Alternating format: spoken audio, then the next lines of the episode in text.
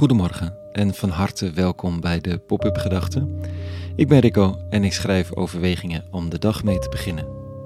Vandaag met de titel Als nieuws zich op nieuws stapelt. Pop-up Gedachten maandag 9 oktober 2023.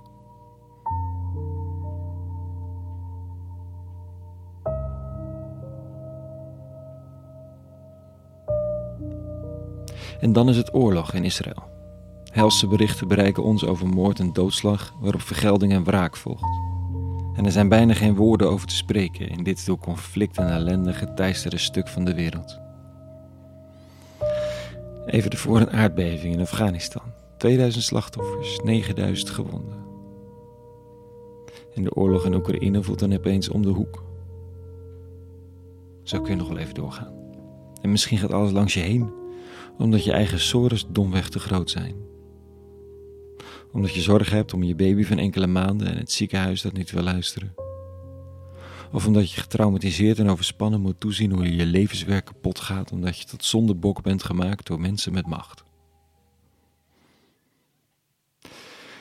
Dat allemaal in één weekend, terwijl de wereld ook doordraait. De zon schijnt, je op momenten van het leven geniet. Ik speel met de kinderen en even de, ik heb even de tijd voor niets anders dan dat. Vanochtend een gebed van Jona voor degenen die geen lucht meer krijgen bij het nieuws van de dag. Ver weg of juist heel erg dichtbij. Die zoeken naar iets van licht als de zwaarte van het nieuws soms te donker is.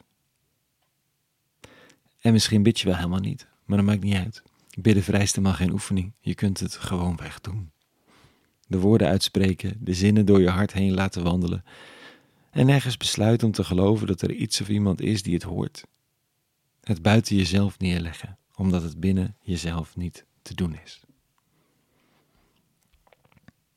Jona, de Bijbelse profeet, is ook niet een toonbeeld van geloof, hoop en liefde. Hij is degene die vlucht voor zijn opdracht. Wat grappig is, aangezien een professional in geloof, zoals een profeet toch zou moeten zijn, wel zou kunnen weten dat de eeuwige niet per se gebonden is aan tijd en plaats. Toch springt hij op een boot om mee te varen in een totaal andere richting dan waar zijn opdracht hem heen zou moeten brengen. Dan stormt het zo hard dat het schip zo'n beetje vergaat en hij de crew smeekt om hem overboord te gooien. De angst van de zeelui is nog niet zo groot als hun geweten en ze roeien eerst wat ze kunnen, maar dan zit er bij hen ook niets anders op. En ze smijten Jona overboord. En uit de diepte van de zee staat er dan dit gebed. In mijn nood roep ik de eeuwige aan en hij antwoordt mij. Uit het rijk van de doodschreeuw kwam hulp, u hoort mijn stem. U slingerde mij de diepte in, naar het hart van de zee, zwaar slaan uw golven over mij heen. En ik sprak verstoten ben ik, verbannen uit uw ogen, nooit zal ik uw heilige tempel aanschouwen.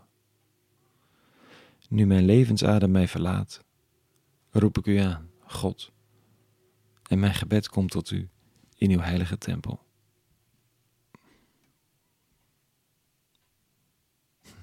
Meer is het niet qua resultaat.